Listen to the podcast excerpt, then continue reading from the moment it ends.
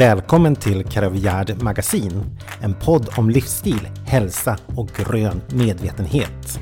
Vi pratar entreprenörskap, willpower, drömmar och om att ta sig själv på allvar. Vi som poddar är syskonen Anna-Lena Wiklund Rippert och Johan Wiklund. Vi har grundat det ekologiska hudvårds och skönhetsmärket Karol Gerd.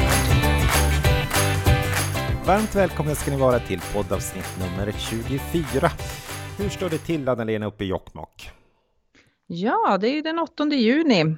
Nästa vecka har vi ju, då går våra gymnasieungdomar har examen så att vi går i examenstider i och med att min dotter ska ta det så att det är jätteroligt. Det är massa förberedelser och sådana saker.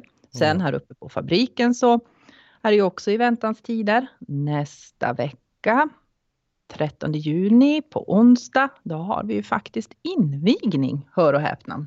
Ja, Så att det är väldigt mycket förberedelser för det. Ehm, vi, vi samsas om eh, Space just nu väldigt mycket med, med hantverkare, men det får vi ta. Så att det Ja. är bra. mm. Nej, men det ska bli väldigt, väldigt häftigt att det som vi har jobbat för så under lång tid börjar faktiskt snart bli klart. Så att, Mm, ja. äntligen. Äntligen! Mer om det lite senare. Det är faktiskt en av mina spaningar som jag tänkte berätta lite mer om. Men jag tänkte faktiskt också berätta först att jag har varit i Tyskland i veckan. Och det blir också så här... Eh, det blev en häftig upplevelse, för dels så letade jag lite saker till våran fabrik och hittade. Ja, vi sökte och vi fann. Och det var så himla kul för att vi för ett halvår sedan, jag vet inte om vi berättade det här på podden, men jag tror det, så köpte vi en ny etiketteringsmaskin. Och den här nya etiketteringsmaskinen, den går så himla snabbt. Den bara fräser flaskor när man jobbar där. Så att den gamla rutinen med, vår gamla maskin, att man kunde slå en operatör, det funkar inte längre. Och då hittade vi ett bord, eller två bord rättare sagt. Det är ett bord som man kan koppla på före flaskorna, eller före de har fått sin lilla etikett och efter att de har fått dem. Så det innebär Mm. helt plötsligt att vi behöver ingen operatör, utan man bara packar på alla produkter på det här stora, stora runda bordet som roterar och så matar den in successivt flaska för flaska in i etiketteringsmaskinen. Och det känns ju så himla Fast kul. jag måste ju rätta dig. Eh, Du sa ingen operatör. En operatör måste Ja, vi ha. ja, ja, en operatör. Ja, men precis. Annars vore det amazing. Då vore vi självgående här. Ja, det är bara öde fabrik. Ingen, ingen är på plats. Nej, men det häftiga är ju att den operatören som opererar kan ta hand om flaskorna när de då är färdiga och bara fylla på nya. Ja, det är ju mer kostnadseffektivt. Mm. på alla sätt och vis. Så det är ju jättesmart. En fantastisk grej. Mm, verkligen. Mm. Ha, vad har du spanat på i veckan då? Nej, men första spaningen, det är ju faktiskt den här... Eh, jag, for, jag fortsätter i Tyskland. För jag var på en sån otroligt intressant, intressant och spännande föreläsning. Och eh, det har fått mig att få ett sånt här bara, woho, jätteinspirationsryck. För det är nämligen så här att eh, nu ska ni få höra vad han hette. Amrit Sahuta. Han är grundare och VD för Ecoviva Intelligence. Och han är specialist, eller deras företag, är specialist på, på den kosmetiska branschen. Både eh, naturkosmetik, naturliga och ekologiska produkter, men naturligtvis även vanliga produkter. Och de jobbar just med sån här, hur, hur sker skiftningarna på marknaden?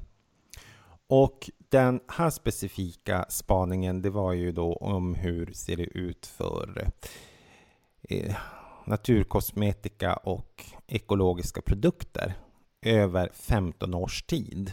Har de kunnat då evidensbaserat kunna ta fram sån fakta. Vart säljs vi någonstans? Vart går det bäst i vilka led? Vart vill man vara med andra ord? Eh, vart är utvecklingen som störst?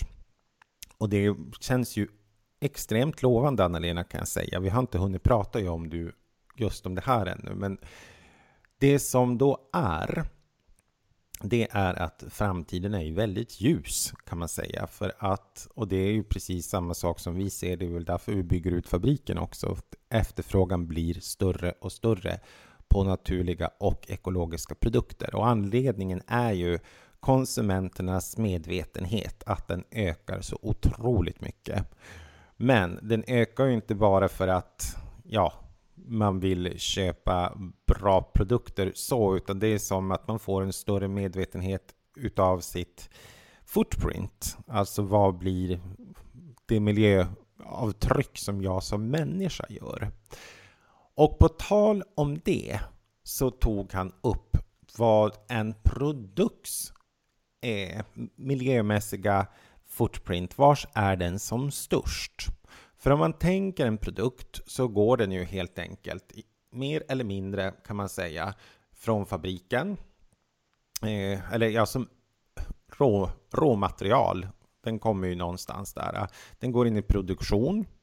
Den går in i distribution. Den går in i konsumtion och sen eh, wastear den, alltså kastar vi bort den. Så det är mer eller mindre fem stycken olika sektioner som den är. Och om de då tillsammans då blir 100% är den totala biten utav den eh, miljöpåverkan som en produkt har under sin livscykel. Det var lite chockande att se vars den största, eh, största miljöpåverkan var. Va, Vill du slänga dig på en gissning, Anna-Lena, vars du tror att det kan vara någonstans? Ja, det kanske är sista steget. Ja, men eller hur? Och det var ungefär vad vi alla trodde. Och det var minsta. Mm. För vi då som producenter har ju oftast jobbat ganska bra på det här. Som Caravillard till exempel har ju uh, Sugarcane Materials sockerrörs plasttuber som är väldigt bra miljöväs, miljövänligt avfall om man säger så. Och många då är duktiga på att sopsortera den absolut största miljöpåverkan under en produkts livscykel sker när den bor hos ägaren utav produkten, alltså konsumenten. Och här har vi ju... Alltså att där var största miljöpåverkan? Ja. Utav... Ja, men det var det jag trodde. Steg, alltså sista steget blir väl det, fem? Näst sista steget blir det. Mm. För att sista steget är deposer, alltså när man slänger bort produkten. Exakt. Ah. Så det steget innan är ju alltså hos konsumenten. Mm. 58 procent är summan där. Och då pratade vi jättemycket då i en liten workshopgrupp att hur kan man påverka det här att, att få ner den biten. Och en av de stora stora, stora sakerna som man som konsument kan göra. Det är att sluta av vattnet när man duschar. Den har vi pratat om ganska många gånger förut, jag och du, Anna-Lena. Mm. Att man faktiskt, precis samma sak som att man slår av strömmen, som att man gör de här sakerna, alla de som, som gemensamt blir en miljöpåverkan, ett footprint som man gör på miljön för att jag kräver energi. Men vattenförbrukningen är ju en stor del som är en, en väldigt jobbig utmaning som, som står inför framtiden. Så att eh, där uppmanar de oss producenter att eh, försöka konsumera, eller konsumera, kommunicera, kommunicera med våra användare att tänka till när det kommer till de här sakerna. Så där har jag faktiskt en liten plan vad vi ska göra en, en liten, så fort vi säljer en, ja men en body shower eller ett shampoo, någonting som går iväg så man vet att det här kan hamna i en, i en dusch, eller det kommer att hamna i en dusch. Att man faktiskt kan skicka med en liten rolig eh, informationsbladaren är lite mer vuxen på ena sidan och så sen kanske lite mer uppkäftig på andra sidan om man har ungdomar i hemmet som inte fattar att Hello, ni måste stänga av duschen medan ni tvålar in er. Å andra sidan så kan ju faktiskt ungdomar vara väldigt mer miljövetna än vi vuxna. Absolut, så Mm. upplever jag det i många fall. Men det var väl en bra, väldigt bra uppmaning med tanke på också, eh, visst kan vi väl vara avundsjuka på er nere i, i, i söder med eran värme och allt det här, men faktum är att grundvattnet försvinner. Regn, det är ju inget regn, Nej. så att man kan ju gå där och gossa i sina små shorts och eh, tycka att livet är underbart, men när träden börjar eh, tappa bladen och ja, men faktum är att vi inte kan vattna eh, grönsaker och, och sådana saker. Det är ju det är en re, realitet, en ganska otäck realitet och vi pratade ju om det i förra podden också. Absolut. Så att det Men det blir ett så bra initiativ. hardcore när man får det så här evidensbaserat från vars, vars är de här olika sakerna. Han kommer massor med andra spännande saker. Men just det här tyckte jag var värt att lyfta fram som en Ja, det här ska vi ta till oss och jag Mm. kommer att skriva faktiskt en artikel om det här som, Mm. som Bra. Väldigt positivt. Mm. Alltså det är positivt, men du förstår vad jag menar. jag förstår hur du menar. Ehm, att man behöver prata om det. För att det är ju som, som sagt var, våran miljö. Det, det är inte, mm, vi tar den för givet. Ja, det är precis som med, exakt, precis. med våra stackars kroppar, vi tar allting för givet, vi människor, så länge det fun- funkar. Ja. Och sen blir det kaos. Ja. Hopp. Du då? Har du någon spännande spaning på gång? Jo, jag har faktiskt, eh, man kan väl säga två, två stycken spaningar. Men då blir jag ju så himla nu när du pratar om det här. För jag läste bara, jag, jag refererar helt kort, jag tar inte upp några siffror. Jag läste i dagens, eh, alltså Dagens Nyheter idag på nätet om, om eh, Medelhavet faktiskt. Och då tänkte jag på ett tidigare avsnitt som vi hade här för ett bra tag sedan om plogging. Alltså att plocka upp, när man är ute i skogen, ta med sig eh, skräp hem. Och ser man skräp, plocka skräp. För att vara Medelhavet, alltså det är vårt absolut mest förorenade hav av plast. Svärdfiskarna, tonfisken, man har uppmätt enorma halter av plast i deras magar helt enkelt.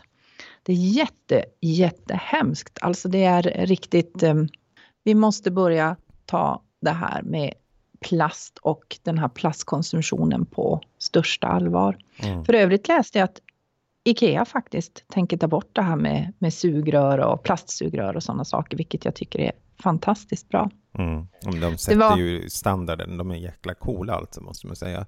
Ja, jag tycker det är bra. Och Mm.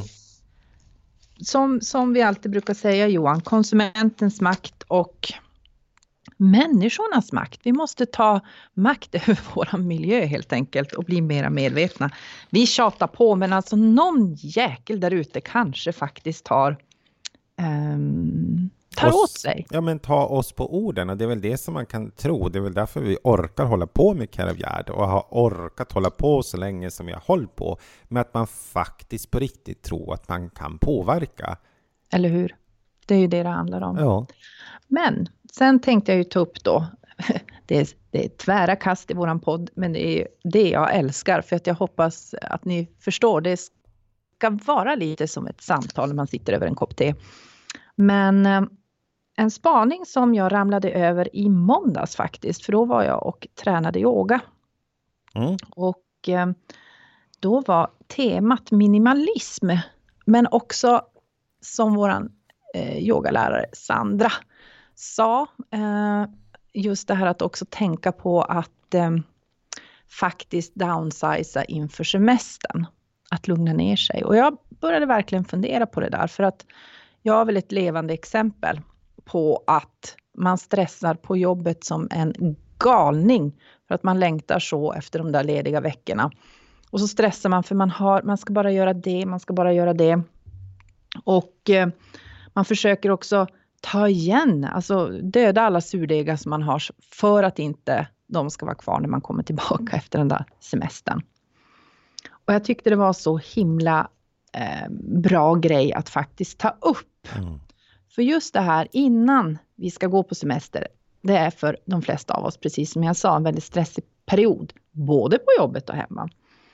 Och eh, Det ska ordnas, avslutas och fixas innan ledigheten.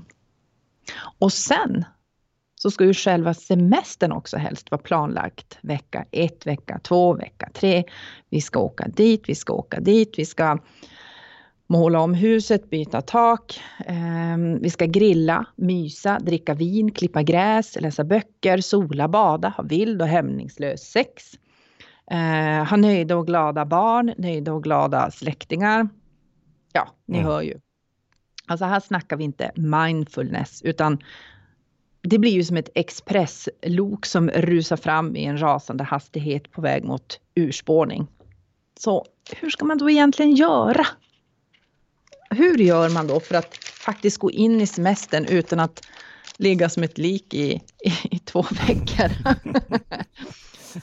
Helt eh, färdig. Ja, det är ju faktiskt det berömda tråkiga ordet ibland, men planera. Mm. Och att börja i god tid både på jobbet och hemma. Och eh, faktiskt så att man slipper de där sista veckan eh, nästan springa in i väggen och ha hjärtat utanpå kroppen. Så planera och eh, planera även, alltså måste man, måste man göra allt som man har sagt på semestern? Kan det inte bara vara skönt att säga att nu bara är vi mm. egentligen? så himla sant. Det är så. Det är ju verkligen så det är. Ja. Och jag vet inte, men just, och den här planeringen, för det är så himla lustigt att du säger det, för jag sitter, jag är ju Excel-nörd och älskar Excel, både strukturellt just när det kommer till siffror, men även när det kommer faktiskt till alla projekt. Och igår satt jag och gjorde min planering inför vad ska hända fram till sommaren och så plotta upp, ja men du vet, ta med tusan alla olika saker som jag vet att det här händer. Vad behövs det för actionplan på det? Och vem mm. kan jag, ska jag göra det själv? Ska jag delegera den saken? Hur mm. plockar man upp den? Och det blir ju så, från att ha den här känslan, oh, shit, det är så mycket. Man drunknar till att man bara okej, okay, ja, det är mycket, men de här 10 eller 110 sakerna som ska göras som kräver x antal tid. Om man splottar upp dem så där så är det ju bara beta. Exakt. Och faktiskt också för att jag fick en sån här, jag satt och, och skrev lite, lite ledord igår till just det här för att jag tänker skriva en liten artikel också om det. Um, och kände själv bara hur, stress, hur pulsen höjdes när jag tänkte på allt som måste göras på fabriken innan, innan semestern. Men eh, då gjorde jag också faktiskt en liten lista och just det här att kunna, ja men kunna de delegera. Det är ju det det handlar om, kunna delegera och faktiskt också ta in viss hjälp till vissa saker. Mm. För det är ju faktiskt inte meningen att jag ska springa omkring och göra allting själv. Nej. Utan ehm, så att man måste se, man måste lyfta och hovra lite grann och sen kan man lugna ner sig. Men bara man har en plan. Ja, men precis. Och det, ja. Så det, det, var, det var min lilla spaning som, som kom sig av några ord på, inför ett yogapass. Mm, härligt, plantera sig väl. Ja, det gjorde det. Ja, ja Faktiskt. Så himla... Så att, effektiv semester i den form av att inte effektiv lika med att göra så många saker som möjligt utan effektiv att man faktiskt har hunnit tänka så att man kan vara ledigt på riktigt, att det kan vara äkta. Ja, för jag läste någonstans och nu kommer jag tyvärr inte ihåg, men det, det här är ju för något år sedan. Men just det var någon, eh, någon lärd person som hade skrivit just det här att eh, vi alltså just det här att hjärnan behöver ju få vila och det är ju det som också är på semestern att jag menar att verkligen hela kroppen bara hela systemet får eh, gå ner i varv. Exakt, så himla himla viktigt. Mm. Jag håller på och eh, jag ska försöka ha en ganska social media free semester. Alltså inte att jag inte kommer uppdatera på sådär, men det, jag kommer inte sitta fast i min telefon. Nej. För jag är som många andra människor så sitter jag fast väldigt mycket i min telefon och det irriterar mig. Jag tycker ju inte om när jag känner att jag har någon, något litet behov och det är, det är en form av behov. Mm. Är det mm. faktiskt.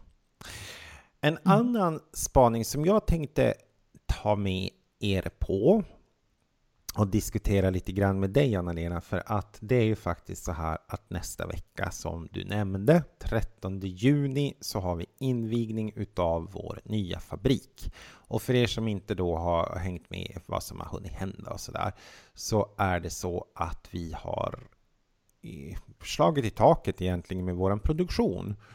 Och eh, det här såg vi komma för ett ganska bra tag sedan. Så att vi började ta höjd för det här började arbeta för det och nu så är det på riktigt. Och det fick mig att tänka, nu när jag har varit borta i veckan i Tyskland och träffat massa människor för, för Caravagers räkning, så himla ödmjukt häftigt det känns. För jag tror, Anna-Lena, jag, vet, jag, jag har inte exakt, men jag tror att det var i, i maj för två år sedan som vi klubbade igenom det vi kallar fas 5. Ja, jag tror det var det. Och då hade vi ju dessförinnan jobbat med fas 5 ganska mycket och tagit fram, precis som du säger på tal om planering, vad ska fas 5 gå ut på i Caravagers historia? Och en av de stora bitarna det var att vi såg att vi kommer inte kunna gå vidare med företaget om vi inte gör en utbyggnad eller om vi inte ökar vår produktionskapacitet. För då, för två år sedan, då hade vi ju lite till produktionskapacitet, men vi såg att vi, den kommer vi ju fylla upp med nya kunder och så vidare. Mm. Så det vi gjorde, det var ju att helt enkelt besluta oss om att okej, okay, vi hittade, vi skulle köpa en ny maskin. Vi hittade den här maskinen efter många olika resor och mm. sen visade det sig att den här maskinen var så fruktansvärt hög när man öppnar den. Inte när den är stängd, då hade den ju funkat i vår befintliga fabrik. Men när man då öppnar upp den, då är den ju över fyra meter hög. Och då hade inte vi takhöjd helt plötsligt för det. Så det var ju en utmaning som hette duga. Och samtidigt med facit i handen så var det ju tur att det blev som det blev. För att vi behöver ju mer plats annars också rent fysiskt med ja. färdigvarulager och sådana saker. Och eh, det som då antogs där för, för snart två år sedan, drygt två år sedan, mm. är verklighet nu. Precis. Det, det är ganska häftigt. Ja, jag tycker det är så himla coolt mm. hur men samtidigt så blir man så ödmjuk inför hur långa processer. Hur ja. Det, vi hade en väldigt härlig eh, kvinna med i vår styrelse under en, en, ett långt tag. Monica Wikström Johansson. Luleåbaserad superhäftig entreprenör och mm. mång, mångsysslare kan man egentligen säga. Idag så jobbar hon med unga entreprenörer, vet jag, främst tror jag i Luleåområdet. Klokvis och entusiasmerande. Verkligen. Och en gång så sa hon så här bara, okej, okay, men nu har vi räknat på det här, då får vi köra gånger pi. Mm. Spelar ingen roll eh, om du pratar pengar eller om vi pratar eh, tid. Så har du sagt att det tar ett år så räknar du då gånger pi eller tar, tror du att det ska kosta en miljon så sätt gånger pi. Ja, men lite mm. så. Och efter tio år i, som entreprenör i en industriell, om en småskalig sådan miljö, så är det ganska spännande att se att hmm, den där pi-tanken är inte helt dum alltså. Det tar väldigt mycket längre tid än vad man tror att saker och mm. ting ska ta. På gott och ont, för så är det ju. Det är faktiskt sanningen. Och bara man har med sig den någonstans så blir man inte stressad. Och särskilt när du måste tillföra, alltså det, sånt har väl jag svårt att, just det här när man måste, när jag inte själv kan påverka. Påverka eller hugga in, för jag kan inte snickra. Annars hade jag nog varit där och spikat och grejat, för att jag kan inte påverka hantverkarna. på det sättet. Men Eh, så att-. Så att man, man måste ju ta hjälp då av folk. Men obviously, sånt tar tid. Ja, men det gör det. Och det är inte bara det, utan det är maskiner som ska byggas. Det ska sammanfallas under rätt eh, perioder så att det kommer och, och landar något sånär tillsammans. Nu diffar vi ju lite grann i, i någon, några månader, men ja, i det stora hela så måste vi säga att det har ju gått väldigt, väldigt bra. Och skulle det råkas vara så att ni är i Jokkmokk på tisdag blir det väl, va? Nej, onsdag. Onsdag Johan. är lite dagvill, eh, så är man ju varmt välkommen på den här eh, invigningen såklart. Vi har ett Facebook-event på om man inte är vän med oss på Caravagard så kan man gå in och bli vän på, med oss där. Och så hittar man eventgruppen, för då kommer vi faktiskt att ha öppet hus. Vi har arrangerat så att vår kära syster kommer vara grillmaster. Så det blir lite korv och så. Och sen så kommer vi att visa runt i hela fabriken hur det ser ut. Så det blir ju jätte, jättekul. Mm. Mm. Faktiskt jättemysigt. Ja, men någonting. Mm. Så det ser vi fram emot. Mycket. Innehållsrik vecka coming up. Så kan man lugnt säga. Ja, på tal om innehållsrik, vi ska ju faktiskt ha ett pressevent också, så du kommer ju ner swishande på måndag. Jajamän, på måndag kommer jag flyande. Men det tror jag vi berättar mer om på fredag sen, för att eh, vad som hände och eh, hur många som kom tillsammans med en av våra fantastiska samarbetspartner här i Stockholm. Så det blir spännande också. Absolut. Mm. Men persilja, Anna-Lena, vill jag höra mer om. Det var spännande. Ja, jag tänkte faktiskt, det här är ju sådana här saker som, som säkerligen alla hört, hört talas om, men jag älskar persilja. Och förut kunde jag inte ens begripa varför jag var så galen i persilja. Alltså jag åt eh, under en period, kommer du ihåg Johan, jag åt Mm. ju persilja som en häst gnagar hö, eller på att säga. I Men det- remember. Men faktum är att det är väldigt mycket järn i det och jag hade ju blodbrist som nu alla poddlyssnare vet under en period. Men persilja, jag älskar det. Alltså det är en sån Fantastiskt god krydda. Jag tycker alla ska ha ört. Ni ska ha den hemma. Och den heter ju då, jag kan inte riktigt uttala, men Apiacea och härstammar från södra Europa. Naturligtvis så nyttjar ju grekerna och romarna det som en medicinalväxt. Och persiljan är en tvåårig ört. Man använder sig av, eller man kan säga att rötterna och bladen innehåller då höga halter av C-vitamin, kalk och järn. Och persiljans frön är väldigt rika på persiljekamfer. Och ett litet skönhetstips som jag då läste om tänkte jag kasta in här. Och man kan mortla två matskedar persilja och så blanda det med 2,5 deciliter pepparmyntste. Låt det stå och dra så att det blir en infusion i 30 minuter och så kan man badda ansiktet. Det ska visst vara väldigt bra. Jag har inte testat själv men ja. Och just i matlagning, då ska man ju aldrig koka eller hetta upp eller värma persilja för då tappar den ju all, då dör all C-vitamin helt enkelt. Utan man ska använda det som en smaksättare i sallader och soppor och äggrätter och ja, det finns no limits för vad man kan använda den till.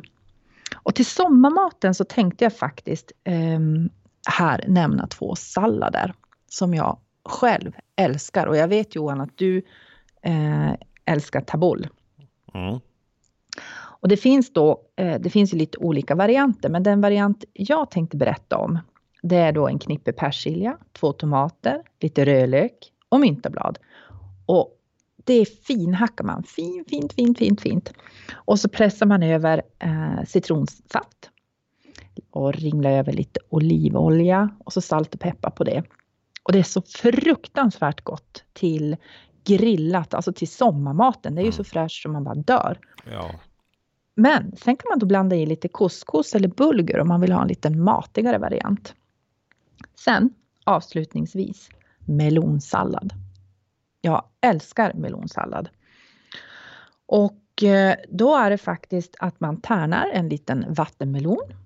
Du eh, bryter eh, lite fetaost över den, hackar fint, fint, fint, fint, fint rödlök.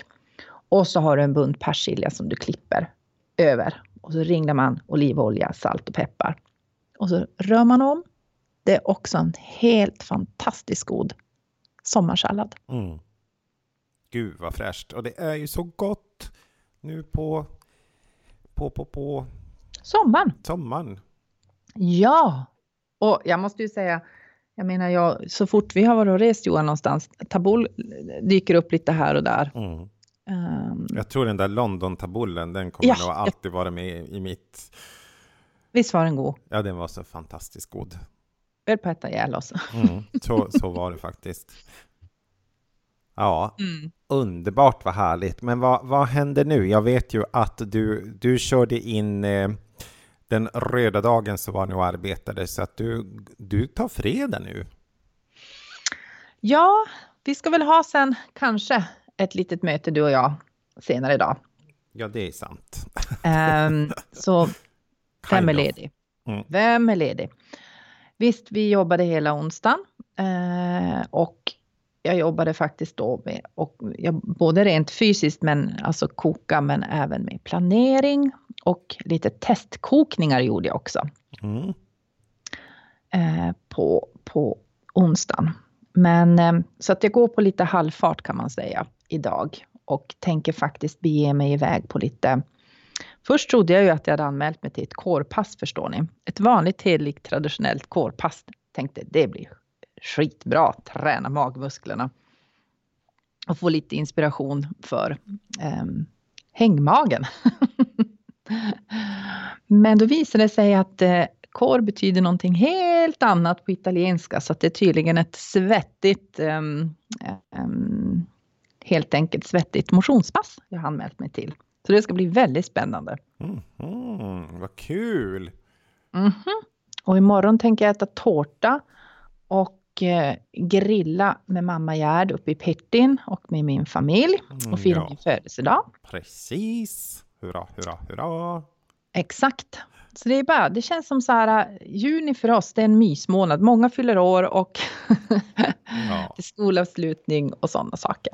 Det är ju faktiskt jätte, jättehärligt. Nej, men jag är lite post, eh, post-Tyskland. Jag, man blir lite förvirrad när man har varit borta och haft sig och så kommer man hem och så är det helt plötsligt fredag. Men jag, har, jag fortsätter mitt tema som, som jag har haft nu de senaste helgerna. Jag försöker vara så obokad som jag bara kan vara och så är jag lite öppen. Men jag kan säga att jag kommer springa ganska mycket i helgen i och med att vi har ett lopp nästa helg och det månde vara bara fem kilometer men det känns ändå lite småkul att, att eh, ha lite flås. Mm. Så att eh, Jag ska också ut och springa. My God. Ja, det blir jätte, jättebra. Ja, Ja, men ha en fantastisk dag alla och en underbart trevlig fredag. på återhörande. Hej då! Hej hej!